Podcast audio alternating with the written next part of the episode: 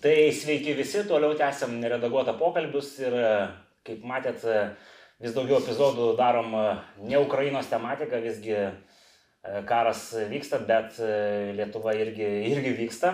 Tai šiandien turėsim tokį epizodą, kuris jau senai planuotas ir šitoj serijoje matyti vieną tokį epizodą jau turėjom apie iliustraciją, bet tema yra tikrai neišsemta ir, ir norisi išgirsti iš visų įmanomų perspektyvų. O šiandien išgirsim labai gerą perspektyvą, tai svečiuose turim viešnę, kas irgi yra mūsų, mūsų turinį pakankamai retai, o šiaip tai gaunasi diskriminacinis variantas, tai paskaitysiu, kad, ne, kad nesuklyščiau, pasipriešinimo sovietiniam okupaciniam režimui dalyviai ir to režimo tyrėja Birutė Burauskaitė. Mm. Tai Birutė, pradžioj jaunesnė auditorija tikrai, nes vyresnė auditorija tai tikrai žino, kas jūs esat, o, o, o jaunesnė tai nelabai, tai kaip uh, dama atsiranda tokioj temai kaip iliustracija ir, ir vykdo tokių bjaurių dalykų tyrimus.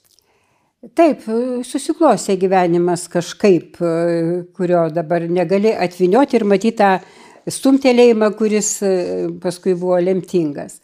Bet mes žinom, kas buvo sąjūdis ir kokia euforija buvo ir kaip mes visi norėjom kažką tai veikti Lietuvos labui. E, dar laisvė Lietuvos, nebūtinai mes sakydavom prieš okupaciją, bet tiesiog kažką Lietuvai padaryti. Tai kaip žinom, kai susikūrė Birželio pradžioje sąjūdis, viena iš sąjūdžio komisijų... Čia kurie metai, nes kai kurie galvos, šie metais tas sąjūdis susikūrė. 1988 metų Birželio 3 dieną berots.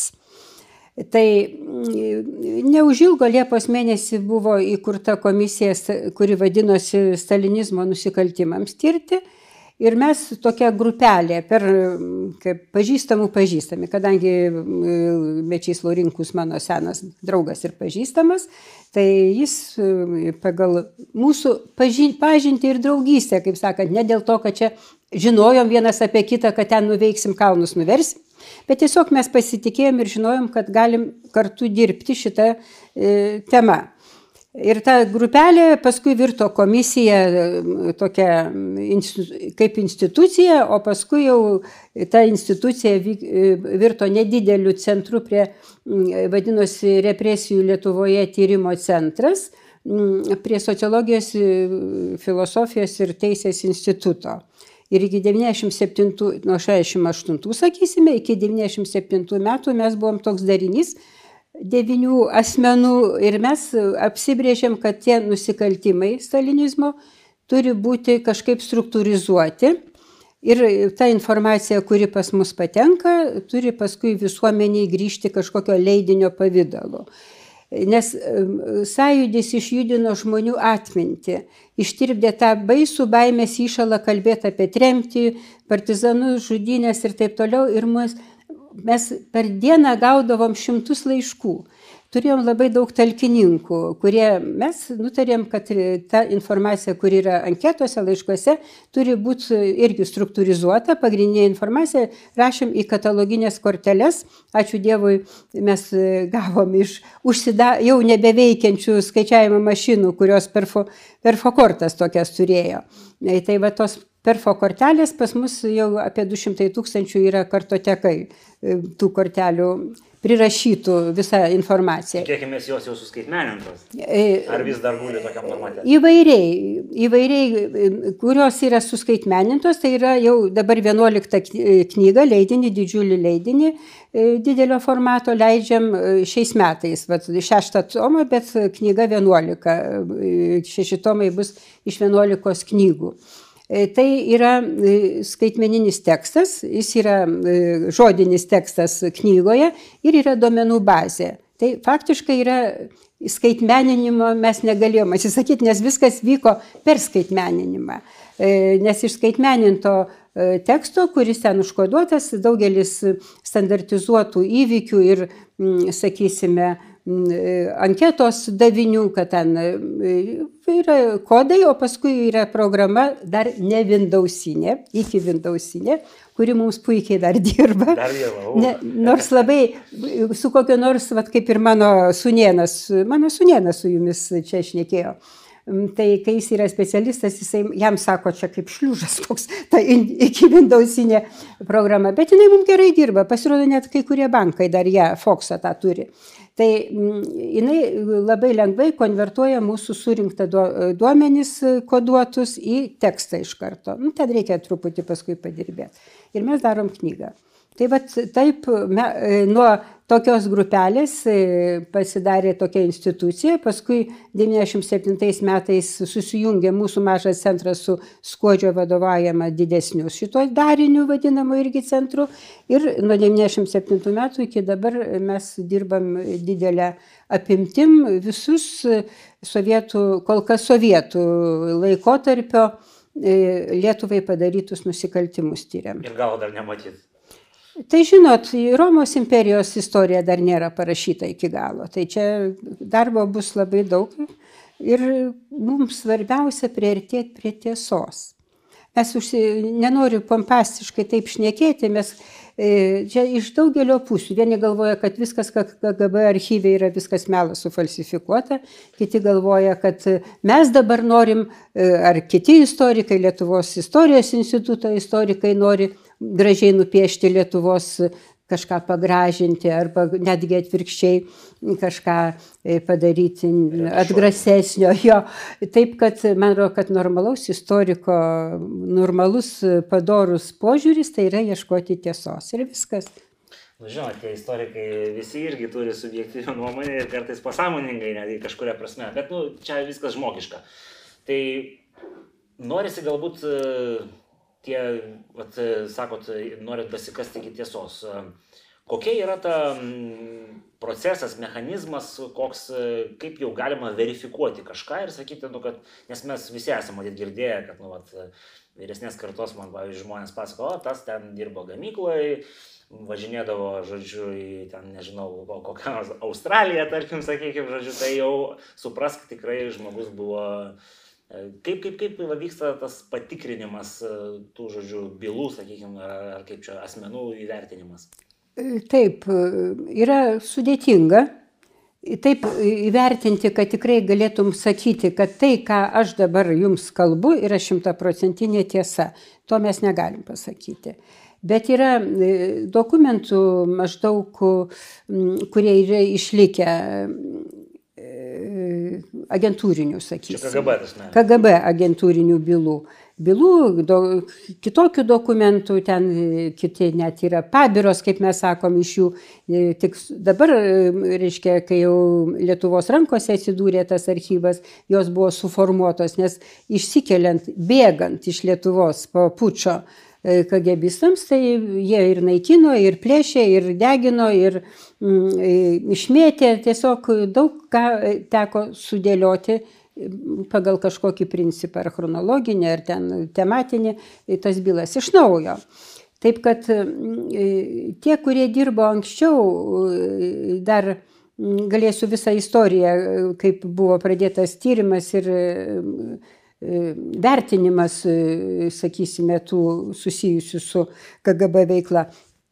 Tai e, e, ta komisija, kuri vadinosi, mes ją Gajausko komisija, jau Gajauskas amžinatelsi, kadangi jis vadovavo ir mm, ta komisija, dabar ilgas pavadinimas, esmė KGB bylom tirti. Mhm. Tai jie buvo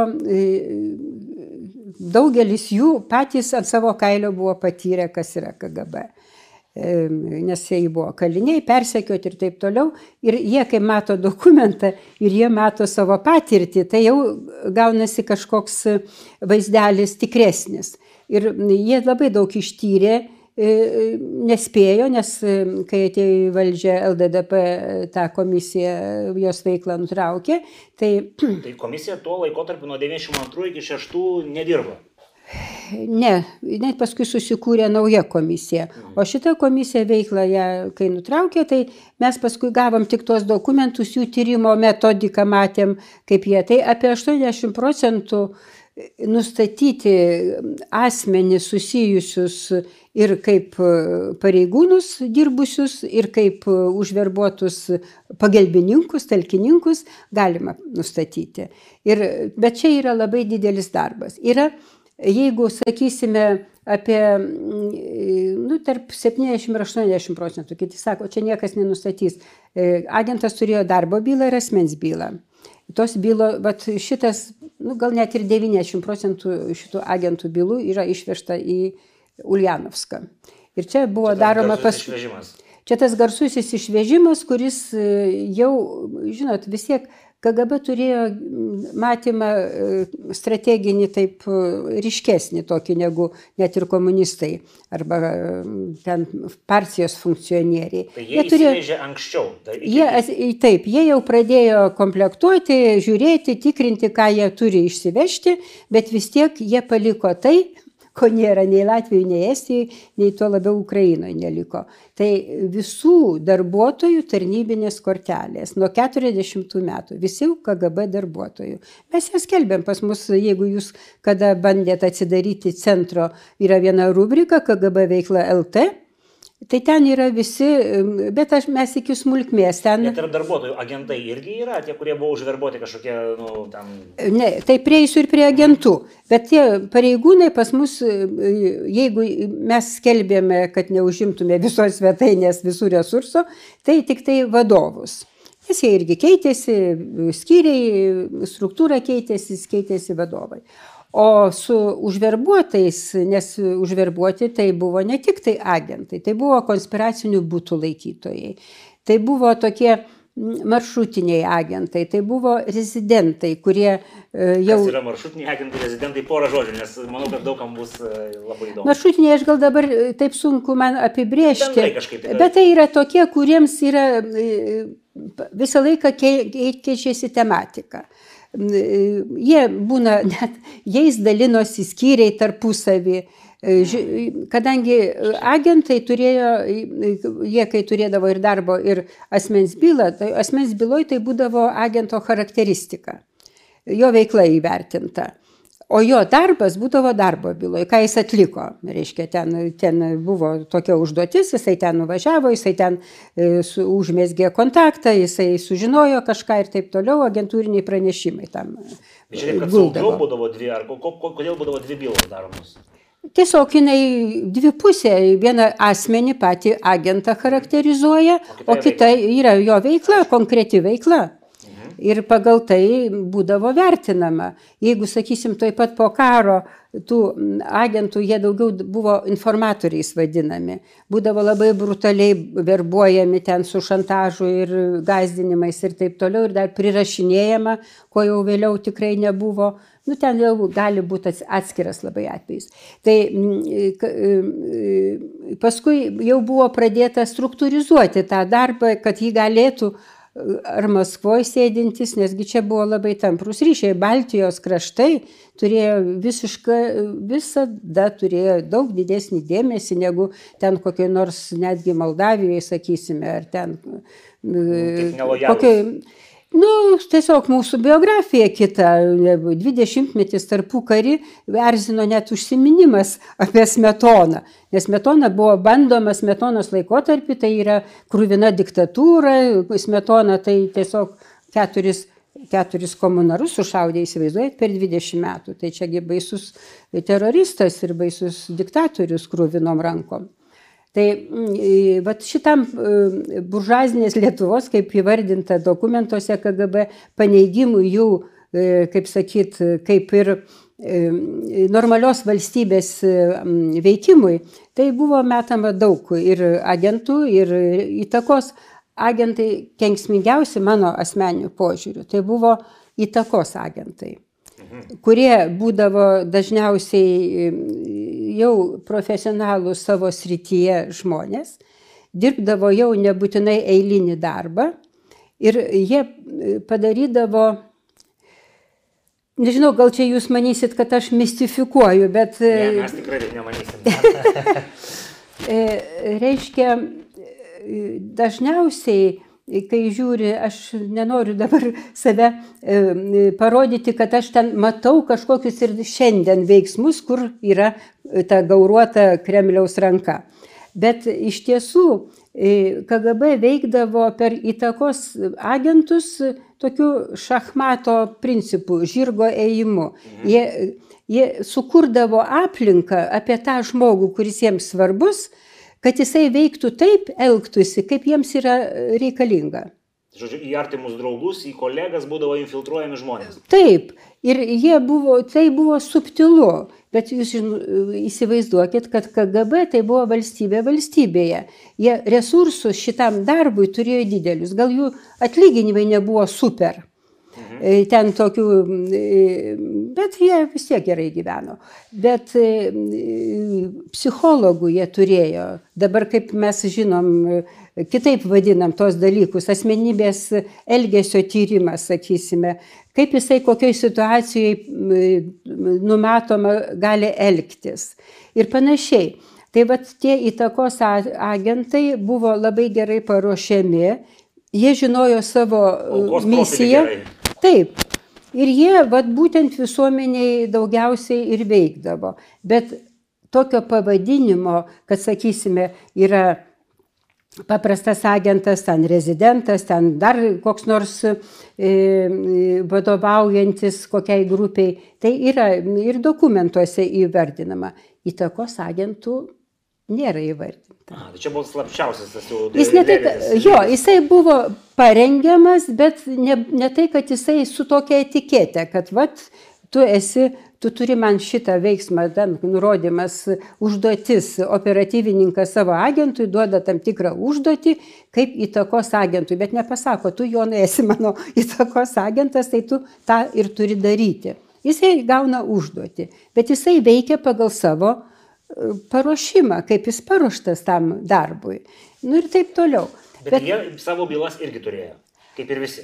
Visi turėjo Visi. ir tose bylose, žinot, tų bylų yra labai mažai išlikę. Ir apibendrinti e, taip tiksliai, kas tose bylose buvo, yra labai sudėtinga. Nes kai tu galėtum perskaityti tūkstantį tų agento darbo bylų ar jo, jo asmens bylų, tai galėtum tikslesnės išvadas padaryti. Bet Lietuvoje šitų bylų yra išlikę dešimtis. Tik tai. Iš tų e, daugelio agentų. O tai sakykit, e, kokia dar informacija yra naudojama vat, e, tai visam, klasifikavimui, žodžiu, e, išsiaiškinimui, surušiavimui agentų, jeigu bylų yra išlikę nedaug, e, turim korteles, kas dar yra naudojama, buvo naudojama, kad e, priskirti vieną ar kitą asmenį, žodžiu, prie... Tai čia agentūros. vykdo, kaip pasakyti, vis tiek KGB buvo piramidė pagal struktūrą. Ir e, užduotys būdavo nuleidžiamos iš viršaus į visus. Lietuvos KGB tai buvo skyrius. Praktiškai jis nebuvo savarankiškas. Vis tiek pagrindiniai e, svertai, pagrindiniai gairės, e, užduotys vis tiek ateidavo iš Maskvos.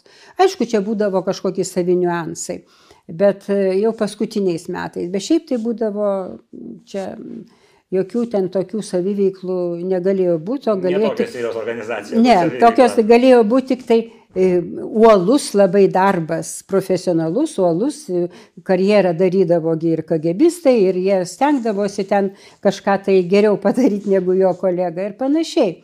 Bet e, tas e, toksai atidus e, KGB dokumentų tyrinėjimas, jis vis tiek duoda tam tikrą tokį e, vis prieartėjai prie tikresnio vaizdo, Mm, kam jie buvo naudojami ir ar tikrai pasiekdavo jie savo tikslą. Kad jie nepasiekė paskutiniam, paskutiniam 20-metį savo tikslų, prašaudavo dažnai per pro šalį, tai aš galiu savo, kaip sakyti, gyvenime tokių, nu, ne faktų, bet tokių epizodų pagrindų pasakyti. Todėl, kad nu, tai mes visi žinom. Kronikos, Lietuvos katalikų bažnyčios kronikos jie taip ir nesusiekė. Priartėję jau buvo. Bet vis tiek jie, e, nors nuteisė Tamkevičių, bet kad jisai jau jeigu jo nebus, nebus ir kronikos, jie to negalėjo numatyti. Ir Jaunai ne jų valioj buvo. E, Suprantat, todėl kad tas laikotarpis, sakysime, to Brežnevo, tas sąstingis ir taip toliau, bet visuomenė, visuomenėje vyko kiti procesai. Išsilavinimas buvo, jau kažkokie kontaktai su vakarais. Toks, ypač toks platesnis žmonių, o mūsų, mano karta ir truputį vyresnė dar už mane, sakysime, kurių dalis dar formavosi ir smetoniniai Lietuvoje iki antro pasaulinio karo, tai buvo gana plačios erudicijos, nes kadangi išvažiuoti mes niekur negalėjom, tai mes bandėm bent tą pasaulį pažinti per kultūrą, per literatūrą, per teatrą, per kiną ir taip toliau. Taip, ir tas duodavo tokį, kaip sakyt, o kagebistas, kaip Sergejus Kavaliovas jau amžinatelsi, jį apibrėžė. KGB 20 metų ištarnavęs pareigūnas jau nėra normalus žmogus. Jo mentalitetas yra kitas. Nu ir jo žodžiai patvirtina, jeigu mes pažiūrėsime į Kremlių dabar.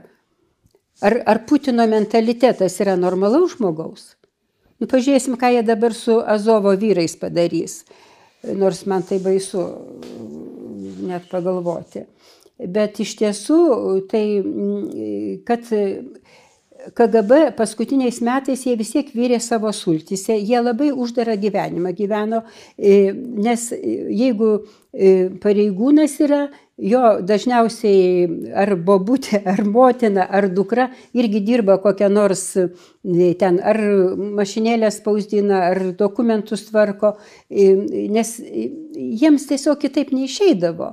Jie negali būti, nu vis tiek šeimoje dalinėsi savo tarnybiniais reikalais ir taip toliau, bet jeigu tu negali apie tai visai šnekėti, jeigu tavo žmona nedirba taip pačiai sistemai. O klauso? Jo. Kaip mes matytų pačių darbuotojų irgi juos. Jie vykdavo... būdavo tikrinami, taip, būdavo labai griežtai tikrinami, žiūrint kokioj, ypač to, to skyriaus, kur kontržvalgyba užsimdavo, to skyriaus darbuotojai buvo labai tikrinami. Nors čia daug kas yra kas pastudijavo KGB veiklą, kad jokių šnipų taip ir negirdėta, kad būtų surasta KGB išaiškinta Pabaltijo kraštuose, čia yra siena, čia yra vakarai, čia yra infiltracija kokio ciža ir panašiai, bet nesigirdėjo šitų, nebent čia taip jau uždengta iki šiol. Kad kažkokius šnipus šito, šitose teritorijose būtų sugavę. Bet keista, kad nebūtų jokių, nu, tas, na, taip sunku, sunku įsivaizduoti. Nu, bet kažkaip turėjo tie faktai išplaukti, sakysime, jeigu neišplauktų dabar, kaip KGB yra vėl uždara, bet Jelsino laikais tai turėjo kažkokia tengi besidominčių sociologų, istorikų, labai daug puolė dokumentų studijuoti ir rusų istorikai kai jie atsivėrė ir gali, dabar prie jų vėl niekas neprieina. Bet va tas toks galbūt ne visai pilnai dešimtmetis, tai galima buvo dirbti archyvose. O tai, o tai mūsų specialistai vat, per tą atšilimą, ar jie tų bylų, kurios iš mūsų išvažiavo, važiavo ieškoti ant... Važiavo, Anušauskas važiavo, mm, daugiau nežinau, kadangi dirbau kartu su Anušausku, tai geriausiai žinau, jisai ten surado keletą, keletos tokių mm, prieškario Lietuvos saugumo darbuotojų, kitų tokių e, valstybės pareigūnų bylas, kurios iki šiol guli Rusijoje, tam garfe vadinamam. E, tai yra e, tokių mažai mes, nebuvo kažkaip pas mus valstybės tokio, niekas nestimuliavo tokio požiūrio, kad reikia naudotis tuo momentu, kad archyvai atviri. Lenkai, Lenkai savo vidaus reikalų ministerijoje padarė atskirą skyrių, davė milijonus zlotų. Jie pasklido po visą Rusiją, po visos Rusijos archyvus. Ir, ir darė, nereikėjo net ieškoti, jie jau žinojo. Ir mes žinom, kur kas yra tremties bylos, komendantūrinės bylos, e, reiškia, kalėjimų bylos. Vien Krasnojarsko archyve, kiek yra e, teismo proceso bylos iki nuosprendžio, yra pas mus bet kalinių bylos yra ten, kur jie kalėjo. Mhm. Tai e, Lenkai surinko labai daug informacijos. Jie kelis metus, jie nebūtinai patys važiuodavo, bet jie nuvažiuodavo, susitardavo su archyvų darbuotojais, jiems mokėjo doleriais. Tai buvo labai... Ir tie skanavo ir Ir tie skanavo, ar ten net e, tiesiog surinkinėjo kažką ir mums tas šiek tiek nubirėjo. E, Mes turėjom gerus santykius, mūsų centras su tuo, e, vadinasi, Osrodė kartą, reiškia kartą, didžiosios raidės pavadinimas e, to centro. Labai tokie šaunus iš solidarumo išsipumpuravę istorikai, žurnalistai, tie tyrinėtojai. Tai vat, e, mes iš jų gavom e, tų kalinių, kurie kalėjo Arhangelsko srity, Vologdo srity, Komijoje. Ir mm, tai buvo dažniausiai dalis iš mm, tų Lietuvos gyventojų, kurie paskui išvyko į Lenkiją, kai buvo repatriacija ir tapo Lenkijos piliečiais. Bet mes, kadangi tai buvo mūsų gyventojai, mes apie juos irgi turim informacijos ir mūsų vardynuose jinai yra, bet jie mums davė ir Lietuvos, kadangi ten pat buvo mm, tie kaliniai dar neišskirta viskas pagal tautybės, tai e, jiems darė kopiją šitų ir mes paskui iš kartos gavom į mūsų aruodą šitą informaciją. Tai dar pabaigiant tą klausimą, kas liečia, tai žodžiu, medžiaga pagrindinė yra renkama iš bylų. Ar iš kažkokių pasakojimų, nežinau, liudininkų parodymų jūs informaciją rinkot kaip centras? Taip, rinkom. Tai tarkim, Buvo, pavyzdžiui, ar yra tokių bylų, čia aš atsiprašau, kad pertraukiau, kur nėra bylų medžiagos, bet yra daug pasakojimų, daug kitų dokumentų apie kažkokius asmenys ir vat, nu, negalima jūsų sukryžminti, tarkim, bet... bet apie pačius asmenys mes praktiškai tokios, e, tokio naratyvo pasakojimo nerinkom, nes žmonės apie tai nešnekėjo. Jie bijojo. Iki šiol daug kas dar bijo. Šnekėti, kad jis buvo agentas. E, Pirmiausia, žmonėms, tie, kurie buvo užverbuoti, jie slėpė tai nuo savo artimiausių žmonių.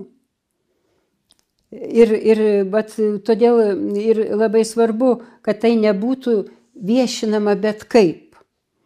Nes e, laikas dar neištrynė to tokio požiūrio ir tokio, tokių emocijų, kad e, aš apie savo senelį, senelio brolį, kuris pasirodo ten kontrabandininkas buvo Amerikoje, manęs tas nejaudina, man tik įdomu, o šposas kažkoks mano senelis, įsivaizduoju, senelio brolis tiksliau. Bet supranti, kai va tas, kur aš prisimenu, su, kartu šeimoje gyvenam, kartu jis man buvo geras, aš gerbiau tą žmogų ir paskui pasirodo, kad jis buvo agentas. Tai vat šitas momentas dar yra pas mus e, sunkiai įvaldomas emociškai ir manau, kad jis niekad nebus, turi pasikeisti kartos. Edžiūrė, čia aišku pabūsiu velnio advokatu, nes daug kas klauso ir sako, kaip mūsų kaimynai, kodėl jie perlipo per šitą, tarkim, Latvijai, Lenkai, kaip pas juos ta situacija. Tokia pati. Lygiai tokia pati, jie irgi Nu, neišviešinę. nėra visai lygiai, bet pavyzdžiui, Latvijoje, kada pradėjo jie skelbti savo kortelės prieš metus Mhm. ir kilo skandalai. Mhm. Vaikė, e, kaip ta Friberga, ar ne, jinai buvo uždraudus, jau jie norėjo, jos kadencijos metu buvo numatoma iš tų maišų, e, kaip jie vadina, kurie gulėjo jų vidaus reikalų ministerijos ten tokiam departamente, ištraukti tas korteles ir paskelbti. Jis kategoriškai uždraudė šitą. Tai gal agentė buvo. Jinai Amerikoje gyveno. O? Amerikoje galėjo, bet mes meskim šitą, kad jeigu mums žmogus truputį tartinas, nepatinka, jo nosis kažkokia kreiva. tai, galimai pasakyti. Galimai, jo. Bet tas galimai, žinokit, vis tiek gana juoda šešėlį metą. Aš e, e, lygiai taip pat e, šnekėdavau, kol aš ne, ne, manęs neįkišo vat, gyvenimas su ta iliustracijos komisija, šešis metus kuičiausi tose agentūrinėse fondo, agentūrinio fondo bylose. Ir, tada, ir paskui turėjau to iliustracijos komisijoje kalbėti su tai žmonėm. Ir tada mane tai labai išauklėjo. Man labai daug davė patirties tokio Tai jie visi, etikos. Jie visi atgailavo to. Ne, nebūtinai. Ir ne tik net gailavo, bet netgi ir šaipėsi. Bet jie atliko lojalumo uh, tokį judesi. atėjo, nesvarbu, ar vieną, jie galvojo karjerą daryti, Janvinas nepadarė karjeros, e, nes yra įstatymė nuoroda, kad jeigu tu eini į politiką, įrenkama į kokį nors struktūrinį dalinį, tai tu turi būti išviešintas, kad ir, prisipažinai, ir buvo įslaptintas. Yra įstatymas. Įstatymė ir todėl, kad kai žmonės sako, o tie, kurie įslaptinti, visi sulindo į valdžią. Nei vienas. Bet tai čia tuo, tuo tie, kurie išsiliustravo. Taip. Mes dar galimai turim kiekį, kurie neišsiliustravo ir tada jų niekas nesaisto, nes apie juos nežinom. Taip, bet kažkada aš tai labai stebiuosi, kad niekas nenagrinėja. Baigė iliustracijos komisija šitą pirmoji darbą, paskui buvo antra E, Kodytė, kuriai vadovavo, paskui dabar Urmanas, kuris, nežinau, aš nenoriu čia blogai išnekėti, nors gerai irgi negaliu, tai jinai dar tebe veikianti yra. E, tai tik tai tos komisijos gali kažkokį tai sprendimą priimti. Bet e, vis tiek tie žmonės, kurie yra toj komisijoje, galėtų, pavyzdžiui, vat, Urmano komisijos, nusamdyti, turėti lėšų turėti finansavimą ir samdyti istorikus, nes komisija yra penki žmonės. Jie negali apriepti, bet tiesiog padaryti grupę tyriejų, kurie galų gale jau išsamei, nuosekliai ir giliai ištirtų visą agentūrinį fondą. Kartu su tais, kurie prisipažino su jų informacija, su koreliuojant, derinant. Kartu su galima e, nepaskelbti kažkokią naują apklausą ar ką, bet kad žmonės, kas ką žino, ateitų pašnekėti ir nebūtų jie pririšti nei savo pavardę, nei savo tuo ateimo faktu prie tos medžiagos, bet jie tiesiog pateiktų tam tikrą informaciją. Bet kažkaip čia Vieni eina tokiu keliu, kad čia reikia viską viešinti, nesvarbu, ten atėjo prisipažinti, netėjo. Mesgi viešinam, dabar pasižiūrėjau, vat, prieš pas jūs ateidama, balandžio pabaigoje paskutiniai dokumentai įdėti į mūsų tą rubriką KGB veikla. Bet jeigu aš teisingai suprantu, tai vadinasi, iš tų, kurie iliustravosi, prisipažino, nei vieno mes dabar neturim nei Seime, nei kitur politikoje. Neturim. Nes jie tiesiog turėtų. Jie tiesiog turėtų išsi... Taip, jie yra įstatymė, kad jie, jų informacija tampa nebeslapta. Jeigu jie eina į prezidentus, į Seimą, į šitas vietinės tarybas, ten dar kažkokie, aš dabar, žinot, nebeprisimenu, bet yra strateginiai kai kurie tokie objektai. Tada yra dar klausimas, aišku, prie to pačio yra ten tie sklando mitai, kaip nekurie asmenys jau po nepriklausomybės išvežė kai kurios dokumentus, ten dažnai girdim, kad vat, Audrius Butkevičius žino, ten, kas išvažiavo, papasakokit, kas ten per informaciją galimai kažkur išvažiavo ar negalimai.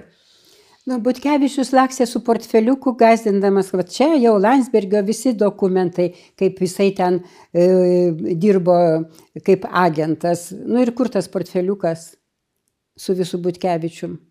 Ir mes, visais dokumentais. Mes, mes žinom, kad e, Audrius turėjo silpnybių, gal, gal kažkas nupirko portfeliuką, aš nu, tai bet gerai, sakau. ne, bet tai ar nelaikas tą portfeliuką tada paskleisti?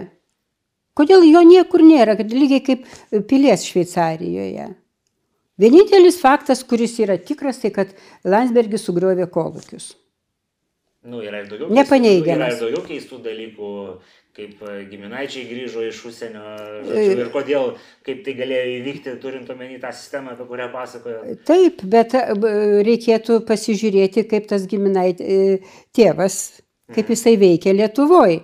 Kaip, kaip jo veikla, juk atspindi žmogų, jis nejo į valdžią, ar ten tribūną netapo, netapo gerbėjas sovietų valdžios, jisai tikrai norėjo grįžti į Lietuvą.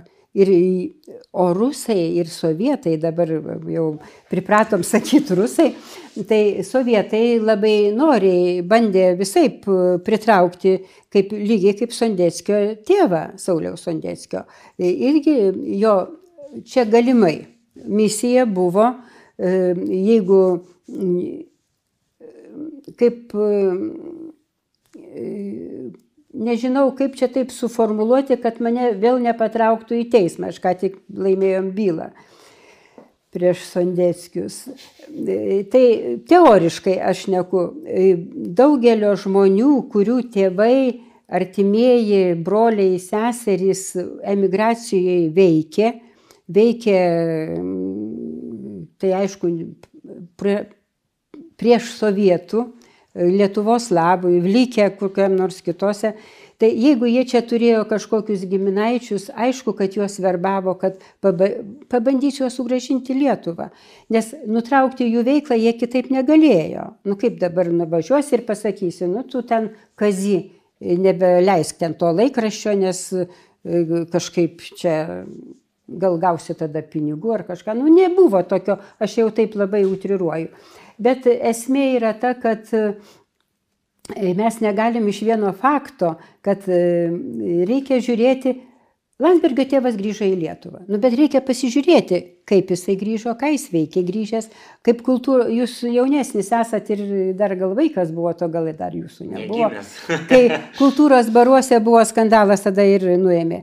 Nes e, būtent senasis, kaip Landsbergis sukėlė, čia norėjo, kur dabar yra prancūz parkis, mhm. nomenklatūra norėjo statyti savo namus. Mhm. O jisai tada, jis nežinau, jisai miesto, e, ar, ar kur jisai to dirbo, gal jis tokių galių stabdyti neturėjo, bet jis sukėlė skandalą. Aš dabar bijau irgi neteisingai nušviesti, mm, bet ten buvo, a, jis atspausdino kultūros baruose straipsnį dėl to. Ir tada vat, kilo skandalas iš abiejų pusių. Vieni sužinojo, kad čia nori niokioti, čia labai didelis yra kultūrinis sluoksnis, čia negalima taip imti kažką statyti daugiau aukšti kokį jo. Ir taip toliau. Taip kad aš manau, kad čia kiekvienas, kuris pa, pažiūrėtų ne tik tą vieną sakinį, kad senasis Landsbergis grįžo į Lietuvą, kad prie to sakinio kažkiek patyrinėtų, o ką, kas buvo aplinka, ką jis veikė, ką jis nuveikė, kiek jisai buvo e, mylimas sovietų Lietuvoje ir panašiai. Tai čia dar apie to pačią paklausiu kitaip. Žodžiu, žinom, kad sovietmečiu, jeigu tam tikras pareigas norėjai užimti, kažkoks tavo sąsaja turėjo būti su partija, nu, galbūt su KGB nebūtinai. Kaip buvo tais laikais aukštesni pareigūnai, tarkim, ten, nežinau, kokie nors ten universitetuose ar kažkokios kitose mokslo institucijose, koks jų buvo ryšys, kaip jos bandydavo suturėti?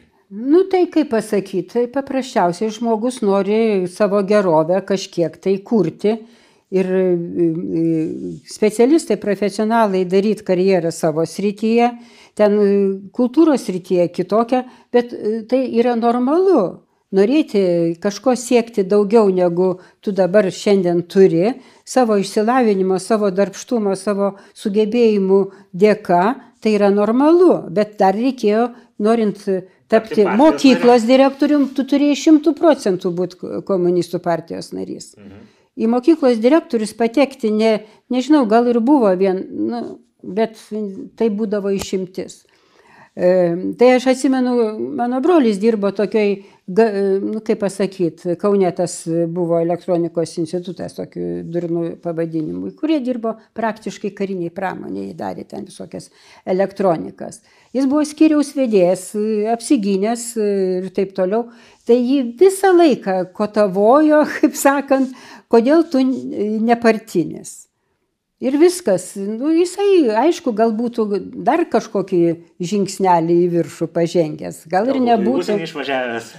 Nei karto nebuvo jokiam užsienį. Jisai, bendrai, šitie darbuotojai šito instituto e, nebuvo labai leidžiami ir dėl kitų dalykų, nes jie turėjo slaptumo irgi formą, jie dirbo su e, karinė nu, kaip pasakyti, karo pramoniai, nu, kažkokius valdymo sistemas darydavo. Tai nu, bet aš tik atsimenu šio pasakojimų, kaip jį ten versdavo ir gazdindavo netgi kad, reiškia, atims slaptumo formą, tai negalėsi dirbti, bet paskui, kadangi jis reikalingas buvo kaip specialistas, tai ir daug tokių buvo, daug, tam tikram laikotarpį jau į tą partiją stojo daugiau tokie administravime dirbantys, jiems karjerą buvo lengviau daryti, kai jie buvo partijos nariai.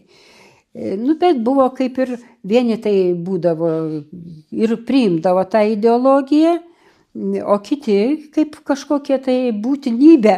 Kaip suprantu, ta, tas teiginys, kad kažkokie dokumentai pas mus dingo nepriklausomybės pradžioj, kur galimai buvo nesiliustravę, neprisipažinę asmenys, jis jūsų manimų neturi labai daug validacijos. Ar Na, visgi buvo vežama kažkas iš Lietuvos? Kažkokiais nu, kiekis, aš to minėčiau jau. Ko nežinau, tai negaliu. Aš žinau, kad vežė dar KGB pareigūnai, evokavo mhm. savo dokumentų dalį. Pagal jų tam tikrą tam evokacijos irgi buvo procedūra. Tik kai jie labai... LDDB laikais ar vėlesniais jau nedingo dokumentai? Nu, ką gali žinot? Juk e, e, archyvas e, buvo jau Čia buvo ilgas, reiškia, yra KGB archyvas. KGBistų jau nėra, jį perima kažkas, ten tokie kažkokie valdininkai. Apsaugos tokios didelės, griežtos, kaip dabar yra, nu, buvo, nebuvo, gal ten pusbrolis koks galėjo įeiti norėdamas ir taip toliau. Bet man atrodo, kad nebuvo tokių išvoktų dokumentų, nes reikėjo žinot, kur jie yra. Juk KGB dokumentų yra kilometrai lentynų. Mhm. Bet tos tiksliuosius. O tai jeigu tu nori žinoti apie save, apie savo ten tėvą ar brolį ar dėdę, tai tu turi žinot, kokioj lentynoj, kokioj papkiai, kur ten tas dokumentas, nes jo ne, ne, nebus visas aplankas, jis bus pranešimas jo pasirašytas, pasižadėjimas jo parašytas. Tai iš kur tas, kad ir agentas galėjo žinoti, kur jo tas pasižadėjimas yra? Nu jo, pats agentas, mačiau, reikėjo struktūrinių darbuotojų, kurie... Ne, turėjo dirbo. žinovų. Žinokit, daug metų mes irgi praprusom, e, kas yra KGB dokumentai, kai su jais dirbom. Kai tu e, vartai vieną dokumentą, kitą, trečią, randi nuorodą į kitą dokumentų kažkokį tai e, grupę, ir tada anuos vartai žiūri, kokia yra sąsaja, nes buvo, kodėl galima daug agentų nustatyti. Todėl, kad buvo agentūriniai pranešimai ir jie yra išlikę, didžioji dalis agentūrinių pranešimų yra išlikę. O agentūrinis pranešimas, jeigu norit, jūs galite įeiti į mūsų KGB veiklą ir ten mes skelbėm nemažai tų agentūrinių pranešimų. Jie turėjo savo formą. Čia agentūrinis pranešimas, data, e, agento e, bylos numeris, agento slapyvardis ir tas agentas reiškia, ką yra pasakęs. Bet ta, ten spausdintas jau tekstas e, ir tame tekste jau tas agentas, jis nerašo, aš ten važiavau, buvau, bet e, rašo tas, kas pasirašo agentūrinį, tai jo operatyvininkas ir rašo istočniks kazal, istočniks tretils, šaltinis susipažino, su, susitiko su tam tikru asmeniu ir taip toliau. Mes ne, nori... nerašo koks šaltinis. Rašo šaltinio šaltinis. Šaltinis antraštėje yra parašytas jos slapyvardis. A. Toliau jisai tekste eina kaip šaltinis. Supratau. Bet kodėl mes nustojom tos agentūrinius jų yra ne tiek ir daug, bet jie būtų įdomus, nes ten parašyta, kad jisai tą dieną važiavo ten į tokį miestelį, ten kunigas pamokslą kažkokį netokį sakė ir taip toliau. Tai gali tas kunigas prisiminti, kas tada iš Vilnius atvažiavo. Čia, bet tyriant tuos agentūrinius pranešimus, juos taip nuosekliai, schematiškai, galima atsekti tuos, kadangi jis rašo ir apie Joną, ir apie Petrą, ir apie veiksmą, ir apie datą ir taip toliau. Bet kadangi tuose agentūriniuose yra būtent labai daug informacijos apie sekamuosius, mhm. tuos trečiuosius asmenis, kurių mes nenorim skelbti, nes jie nenusipelnė to, kad dar kartą būtų minimi, ištraukiami, tuo labiau, kad žmogus, kuris nepatyręs perskaitys tam pranešime, pamatys savo kaimyno pavardę. Aha, ar aš nesakiau, kad jis kagebistas. Nors jis visai ne kagebistas, jis buvo stebimas. Jis buvo mišiose. Jis buvo mišiose ir buvo stebimas, bet sakau, kai neįsigilinė į tą, tai galima priskaldyti malkų. Gerai, bet tada paklausiu esminio, esminio tokio abstrahuoto klausimo. Vis tiek ne visi iliustravosi, ne visų bylos yra. Ar yra kažkoksai nu, įsivaizdavimas, sakykim taip, ar vaizdas, kiek galėjo būti dar tų asmenų, apie kuriuos mes žinom, kad jie, pavyzdžiui, nu, nesiliustravo, arba jie tiesiog buvo, bet dingo jų duomenys, ar, kažka, ar kažkoks, kažkoks vaizdas galėtų būti. Kiek mes turim iliustravusių asmenų plus minus vat, skaičių ir kiek galėtų būti tų, kurie netliko procedūros? Nu, čia labai sunku su tais skaičiais, nes taip yra jau priimta sakyti, kad paskutinį dešimtmetį iki e, nepriklausomybės veikia ne mažiau kaip 5000 veikiančių, veikiančių, nes su agentų archyvinių visokių ten uždarytų, pridarytų e, būdavo daug daugiau. Bet reiškia veikiančių apie 5000. Atėjo prisipažinti pusantro tūkstančio. E, antroji komisija po iliustracijos maždaug peržiūrėjo arti 300 bylų, sudarytų jau iš dokumentų, ne iš prisipažinimo faktų, e, bet iš jų e, pripažino pagal duomenų e, argumentus, išsamumą ir tokį įmanomai galima susidaryti jų veiklos vaizdą, buvo tik tai 50. Ir iš tų 50, kuriems buvo priimtas ir jie buvo paviešinti Lietuvo žiniuose kaip, kaip komisijos sprendimu nustatyta, kad jie slapta bendradarbiavo su KGB. Tai 11 mm, kažkiek padavė į teismą ir 11 sprendimų iš tų 50 buvo panaikinti. Teismai panaikino, nors panaikino tokių uolių darbuotojų.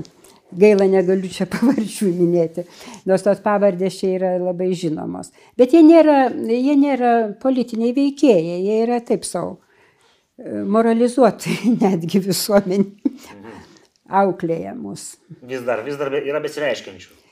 Nu kaip jie pasireiškia? Nu, man tai iš vienos pusės e, net ne tai, kad jų gaila, bet kažkaip vis tiek nesinori turėti reikalų nesinorėtų, nors aš ir neturiu su jais reikalų, bet e, kažkaip čia labai tokia sudėtinga yra.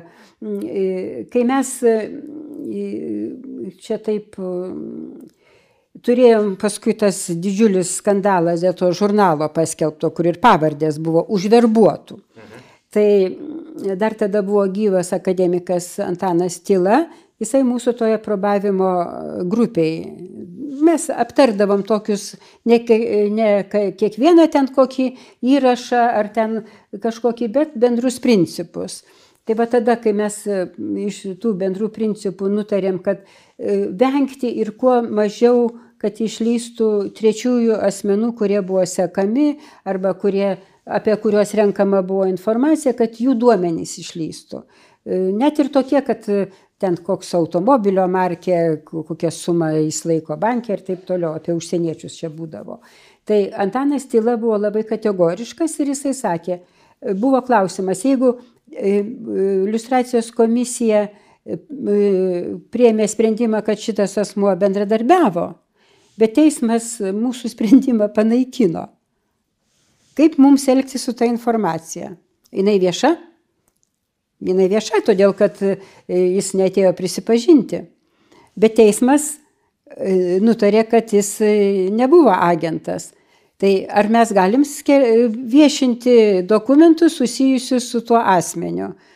Jo pranešimus, sakysime. Nu, teisiškai matyti nelabai, jeigu teismas priėmė. Nu tai va. Tai tiesiog dar kartą, kad užakcentuot. Yra spėjama, kad buvo apie 5000 veiklių taip, veik, agentų, taip. apie pusantro tūkstančio yra kažkokių dokumentų. Yra atėję prisipažinti. A, apie pusantro tūkstančio yra Taip. atėję prisipažinti. Taip, ten yra ir jų dokumentai iš archyvo, mhm. tose jų bylose, jų, jie turi to, savo tokią suformuotą bylą per iliustracijos mhm. procesą. Yra jų užpildyta anketa, kas juos verbavo, ką jie veikė, taip toliau, taip toliau. Vieni ten labai išsamei atsakydavo, kiti ten maždaug neprisimenu, neprisimenu. amnezija būdavo, kankindavo. Ir, ir tada va šitose bylose ta e, visa informacija ir ką jie pateikė, ir ką surado archyvo tyrinėtojai, ir kokią išvadą padaryta iliustracijos komisijos, e, viskas yra įslaptinta dabar va, paskutiniu, kai dar prie Grybauskaitės, 75 metų. Tai čia bus pačiai pabaigai, bet tai dar tada paklausiu. Pusantro tūkstančio atėjo prisipažinti. O be to pusantro tūkstančio dar kažkiek yra, ką, ką jūs žinot, bet jie neprisipažino ir nu, negalima kažkaip... Tai... Ne, nu tai žinojimas, suprantat, kas yra, e, yra dokumentas, e, tai mes nuėjom tuo keliu, mes tai kaip centras, mhm. kad reiškia, kuo daugiau dokumentų paviešinti, iš tų dokumentų žmonės gali susidaryti tam tikrą nuomonę ir apie agentų veiklą, ir apie kokie agentas tik su slapyvardžiu skelbiamas, bet apie jį gali, kas netingi, jeigu ten panagrinės išsameu, skirstam laiko, gali ir pats savo nustatyti. Kas tas, ir kas iš to? Kas tas, uh... Jis negali niekur tą paskelbti. Mhm. Bet tokio žinojimo, nes kai antroji iliustracijos komisija vadovavimą Kodytės jau nustojo veikti, Tai buvo visokių Seime svarstymų, ar reikalinga toliau iliustracija kažkokią formą vykdyti, ar nieko. Ir tada buvo priimta išvados, kad reikia viešinti dokumentus. Ir nuo 2011 metų ir buvo pradėta tas daryti. E, centras turi savo rubriką ir ten yra paskelbta, nežinau dabar, bijau, nepasakysiu skaičių, bet jeigu bus jums įdomu, galėsit įsiterpti, reikia man paskambinti administratoriui to Mm, portalo ir tada pasakytų. Bet lankomumas yra labai didelis. Maždaug per, per metus apie 40 tūkstančių nemažiau būna mūsų šito KGB veikla lankytojų. Žodžiu, liaudis domisi. domisi. Domisi, taip. Tai galimai, kaip sakoma, 3,5 tūkstančio yra dar kažkur tai ore. Jums kaip specialistai atrodo, kada nors mes galėsim pasakyti, kad, na, nu, nežinau, 90 procentų veikusių paskutinį dešimtmetį agentų mes suklasifikavom. Ar tai yra realu, ar, ar, ar su kiekvienais metais šansų vis mažėja? Mažėja todėl, kad žmonės iškeliauja Anapilin, vienas dalykas. Mhm. Iškeliauja ir tie, kurie dirbo, ir tie, dėl kurių jie dirbo, ką jie sekė, ką jie stebėjo ir taip toliau. Vienas dalykas. Kitas dalykas, mes jau turim persiktą kagabizmo lygą suprantat, kad tai jau vyktų be emocijų, nors tas yra mūsų kartai dar, mano turiu omeny, kartai dar tas yra beveik neįmanoma, bet laikas turi nuglūdinti ir tas e, tarnavimas, netarnavimas, išdavystė, neišdavystė, bjaurus elgesys, bandymas, kad ir tokioje situacijoje išlikti moraliu ir etišku, jau virsta istoriniais faktais. Bet žinot, visuomenė kelia labai paprastus klausimus. Įsivaizduokim dabar e, KGB agento šeima, joje užauga kažkokios atžalos, tos atžalos vėliau daro kažkokią visuomeninę karjerą visi žinom, kad nu, yra kažkokia įtaka padaroma šeimoje, tarkim, žmonėm, tai nu, yra noras žinoti, kaip tas mūsų medis valstybės kerojas. Tai čia vadinti reikia suprasti. Bet matyti yra nerealu tikėtis, nebent Rusija ten atsidarytų, žodžiu, tada situacija šiek tiek pasikeistų.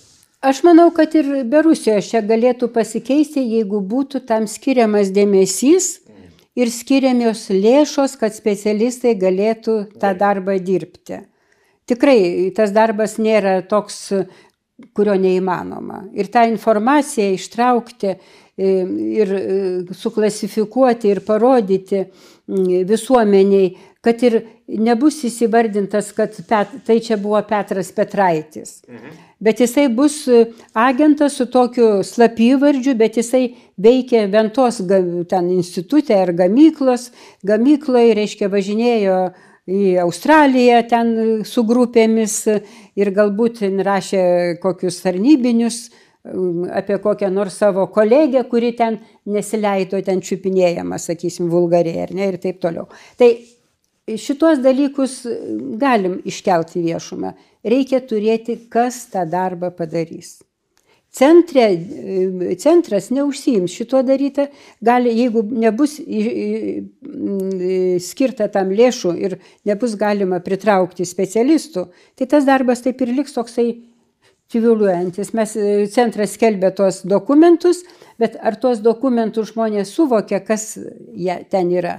E, mes galvojome, kad užteks, bet vat, kaip jūs sakot, pasirodo, kad dar ne, užteks, kad mes parodysim, kaip šita mūsų įstatymuose įvardinta kaip nusikalstama institucija KGB, e, kaip ji veikia visuomenė Lietuvos kaip jinai žlugdė talentus, kaip jinai bandydavo prisitraukti e, visokiais būdais ir rodyti, kad tas žmogus yra blogas, nes jisai neina kartu su mumis. Ir taip toliau. Visokių va šitų dalykų, e, ta kontrolė, e, sakysime, atskirimas nuo vakarų įtakos, vakarų kultūros ir taip toliau, jokia kitų šalių spec tarnyba to neužsiimdavo. To užsiemė tik KGB. Į dvasinį žmogaus kultūros poreikį tokį lysti. Va tai yra didžiausias nusikaltimas, kadangi susino žmogaus asmenybės. Ir taip toliau. Tai, bet kad šitą išryškintume, čia reikia dar labai daug darbo. Labai daug darbo. Čia mes nuėjom paviršiuko. Mhm. Tai paklausiu dar taip. E, kokia situacija pas mūsų kaimynus? Tarkim, jeigu lyginant Lenkus, Latvius, kiek jie išviešino daugiau, mažiau, žodžiu, surado galbūt čia klausimas esminis daugiau, mažiau, ką, ką mes žinom apie, apie, veiklą pas juos? Ten, sakysim, Lenkai. Lenkai visada skiria didelį dėmesį ir jų tikslas buvo, kad į valdžios struktūras, į svarbės vietas nepatektų būtų buvę agentai. Tai jie įkūrė iliustracinį teismą, Ir, o žmonės, eidami, balotiruodamiesi ar kitais atrankos konkurso būdu, eidami į tam tikrus svarbius postus, turėjo užpildyti iliustracijos dokumentą, kuriame jie turėjo pasakyti, jie ten bendradarbiavo, nebendradarbiavo. Jeigu jie prisipažindavo, kad jie bendradarbiavo, tas teisminė institucija žiūrėdavo, kokio lygio jis buvo bendradarbis. Ar iš tikrųjų jisai nu, buvo tik tai išraiktelis, ar jisai nuo jo kažkas priklausė. Ir, ir priima tam tikrą verdiktą, ar jis gali toliau eiti ar ne. Jeigu iliustracinis teismas numat, randa, kad tai, ką jis parašė savo toje anketoje, netitinka jų turimos informacijos, tada jį traukia į teismą. Teis, tas iliustracinis teismas, jį, tai nėra kalėjimas, tai yra toks nu, moralinis daugiau. Žodžiu, jisai ateidamas nežino, ką jie žino, jis turi prisipažinti taip, ir jie sutikina, taip, žodžiu, taip, tada gaunasi. Taip. Mm. Nu, tai dabar tada pačiai pabaigai visi labai neskaniai suvirškino tos 75 metus. Kaip čia buvo nuo 90-ų, žodžiu, kaip mes dėliojam tos grafikus, nes jau atrodė, kad kažką sužinosim ir po to vėl nusikėlė, tai trumpai papasakokit, kiek čia buvo tų skirtingų įstatymo redakcijų, kurios uh, už... Redak... Iliustracijos įstatymas buvo tik vienas. Mhm. Tik tai buvo tokių deklaracijų. E, pačioj pradžioj, po kovo 11, tai yra kovo 27, Seimas paskelbė tokią deklaraciją, kreipėsi į susijusius su KGB struktūromis žmonės, ar užverbuotus, ar kitokiais ryšiais susijusius, ar pareigūnus. Ir papra... tiesiog juos skatino nutraukti veiklą ir nebeveikti prieš Lietuvą ir prisipažinti dėl savo tokios veiklos. Ir tada jie neturės jokių, ten taip suformuoluota, buvo teisinių pasiekmių. Bet ir buvo deklaracija ir liko deklaracija, nebuvo jokio mechanizmo nustatyta, kur tas žmogus turi eiti, kažkur prisipažinti, kam jis turi, kokią formą ir kas jam po to e, bus išviešinta jo pateikta informacija ar ne. Tas ir liko tik tokiu geru noru padeklaravimu. Ėjo žmonės, ėjo pas deputatus, aš su šito su Matieka esu šnekėjus ir pas kitus, jie turėjo, bet paskui jie neišsaugojo tų prisipažinimų, gal ne kiekvienas ten atėjęs pas juos e, savo, kaip pasinuodėm klausi, raštu kažką rašydavo, bet liko taip viskas visiškai taip nesutvarkyta. Paskui buvo toksai priimtas dėl deputatų lojalumo patikrinimo. Irgi aš neatsimenu to e, priimto, čia ne įstatymas, buvo kažkoks nutarimas, tada buvo Virgilijus Šepaitis, jam buvo atimtas deputato e, statusas panaikintas ir turėjo tas pats būti padaryta Prunskieniai. Bet ten tada nu, buvo didelis šurmulys ir Prunskienė neprarado deputato. O jos vadovas tikrai buvo Šatrijos ragana? Taip. Taigi jinai pati prisipažino. Mhm. Tada Čiapaičiui ir šitam, Jėzau, kaip pavardę užmiršau, buvusiam smeršo, kaipgi šitas Kubas, filosofas, pas, Minki, Minkevičius. Gali būti, tai žinokit, neperjungit, žiūrovai, parašykit komentaruose. Ir tada vėl liko tokia kabėti, kažkas kažko nori, kažkas nenori ir taip toliau, kol 1999 mhm. priimtas buvo įstaty, du įstatymai. Vienas apie pareigūnus ir jų veiklos stabdymą, uždraudimą jiems 10 metų dirbti strateginiuose svarbiuose objektuose. Išvardinti buvo visi Jau baigėsi, žodžiu, nuo 99 iki 2000. Taip, seniausiai jie ten klesti. Ir kitas įstatymas buvo irgi ilgų pavadinimų, kuris vadinamas buvo iliustracijos įstatymu, mhm. kuris pradėjo veikti nuo 2000 metų. Mhm.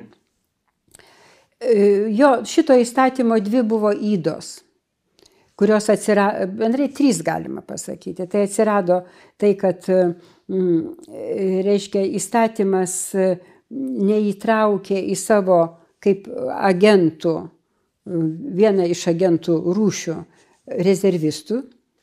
Mhm. Rezervistai buvo palikti nei kaip pareigūnai jie nebuvo, nei kaip agentai. O rezervistų čia kokia funkcija? Jis toksai rezervo, bet kag... nenaudojamas? Nu kaip, bet tai buvo KGB rezervo karininkai. Mhm. Čia Valionis, jeigu neklystu. Taip, mhm. Valionis Arvidas Pocius. Mhm. Ir kaip galėjo priimti jie kitaip tą įstatymą, jeigu Arvidas Pocius buvo VSD generalinis direktorius. Va čia tai paradoksų paradoksas. Vat, reiškia, šitas buvo Buvo per trumpas laikotarpis ateit prisipažinti, pusę metų. Nu tikrai realiai žmonės, dar nebuvo tokia komunikacija išsivyščius 2000 metais kaip dabar. Subrendę gal dar nebuvo viduje? Ne, nu ir tiesiog apsispręs žmogui, tai irgi nėra. Kodėl ne metus davė, o pusę metų, aš niekaip šito nesuprantu. Ir kitas dalykas, kad reiškia ta komisija buvo irgi tokia pakabinta, vos ne kaip sava, saviveiklinė visuomeninė organizacija. Komisija, reiškia, trys, du buvo istorikai, aš ir Starkauskas, e, buvo iš prokuratūros atstovas ir du iš VSD. Reiškia, ir mes jau tą prisipaži... tą medžiagą, kurią jau suformuoja VSD iš tų prisipažinti atėjusių pasakojimų, iš dokumentų surinktų, iš kitokių šaltinių, tada komisija skaito, domisi ir priima, ar čia jisai tikrai bendradarbiavo ir tada jisai įrašomas į įskaitą ir įslaptinamas pagal įstatymą. O grifas slaptai Tais pačiais metais buvo tik priimtas valstybės ir tarnybos, įs, įs, kaipgi tas, įslaptinimo įstatymas. Jis, pamiršau visų įstatymų pavadinimus, atsiprašau. Tai kažkaip nebuvo atkreipta dėmesys, kad tas grifas slaptai yra 15 metų. Mhm. Tai visgi tas 15 buvo ne pačiam įstatymė, bet referavo į kitą įstatymą. O... Taip, jis mhm. naudoja tą grifą, o kitas įstatymas paaiškina, kad tai reiškia yra 15 metų. O kokie dar yra grifai apart to slaptai? Visiškai slaptai, tai 30 metų A. ir paskui su atskiru nutarimu gali būti visam laikui. Bet čia turi būti ten tam tikra tai yra slaptai, institucija, slaptai, ir, kuri ir tą nutarė. Taip. Mhm.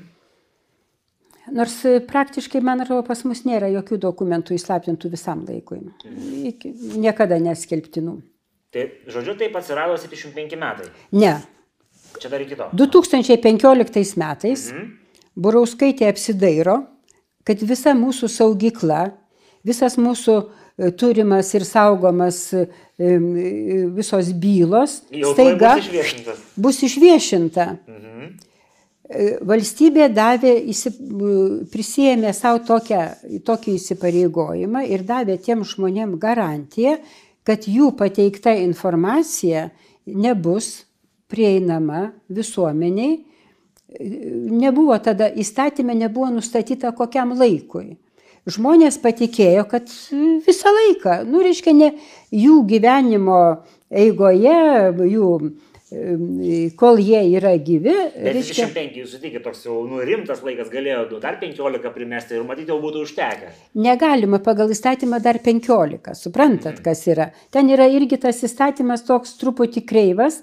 Tai dabar, jeigu nuo 15 metų 75, o jau 15 būtų, tai 60 čia praktiškai nesulauksim. Jūs gal dar, jūsų vaikai gal dar sulauks.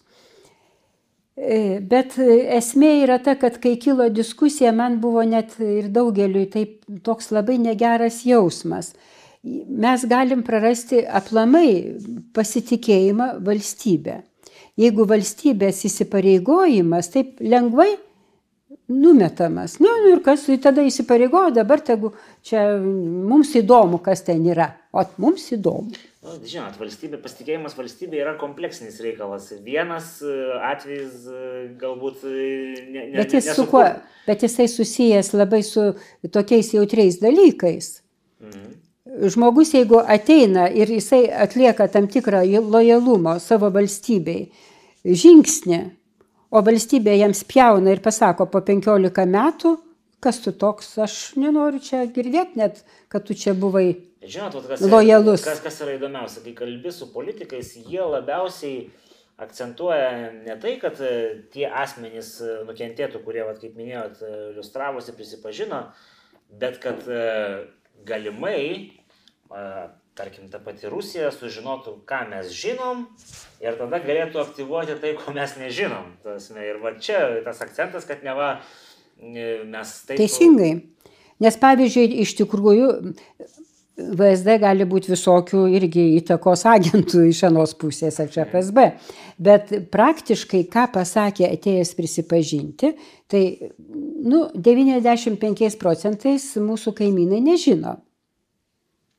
Ir vienas dalykas, kitas dalykas, jie nežinodami gali galvoti, kad gal man reikia kaip agentą vėl naudinga būtų panaudoti ir pabandyti jį šantažuoti, kad jisai, reiškia, va, aš turiu apie tave žinių ir jeigu tu čia, kad ir įslaptintas, bet aš apie tave paskelbsiu, jeigu tu ten nepadarysi man to ir ano.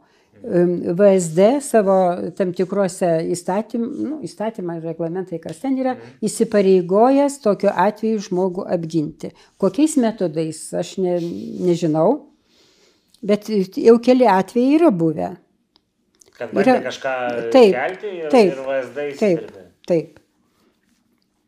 Taip, kad aš čia žiūriu ne į kaip tokį mm, istorinį dalyką, bet kaip į etinį moralinį. Nu, žinot, dabar įsivaizduokit, giminaičiai, tarkim, KGB nukankintų asmenų klauso ir sako, Etika, ok, o kaip dabar su ta etika, kuri jau kažkada įvyko, tiksliau sakant, ne etika, kad čia nu, yra, yra tam tikras. Ne, nu tai mes nusikaltimus turim tirti atskirai. Jeigu ir tam pačiam iliustracijos įstatymė, jeigu atėjęs žmogus prisipažinti, e, nepateikia tos informacijos, o e, tyrinėtojai suranda dokumentą, kad jisai išdavė partizaną, kad jisai dalyvavo kokiuose nors žudynėse nacių laikais ir taip toliau, automatiškai jis yra išviešinamas. Kalbos nėra. Ar tokių atvejų yra buvę?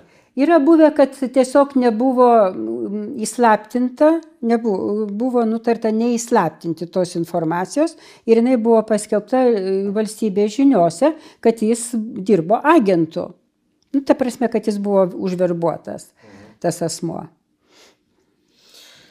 Gerai, Birutė, aišku, visi čia įtemptai laukia, kol Birutė pasakys, kad oi, turim čia agentų, aš aišku, juokauju, bet e, manau, kad e, galbūt e, pasikeis valdžios, gal, gal, bus, gal kažkokių bus naujų dalykų, kuriuos bus galima aptarti.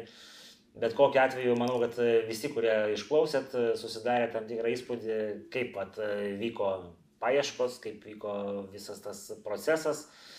Manau, kad sveika bus, gal dar kažką prisiminsit, parekomenduosit, pakalbint, kas galėtų papasakoti apie KGB veiklą daugiau, žodžiu, tai čia matyt tų žmonių yra. Bet bet kokiu atveju dėkui, kad atėjot. Į sveikatą prašom. Dėkui visiems, kurie žiūrėjot, nepamirškit mūsų socialiniuose tinkluose ir ką, iki kitų kartų.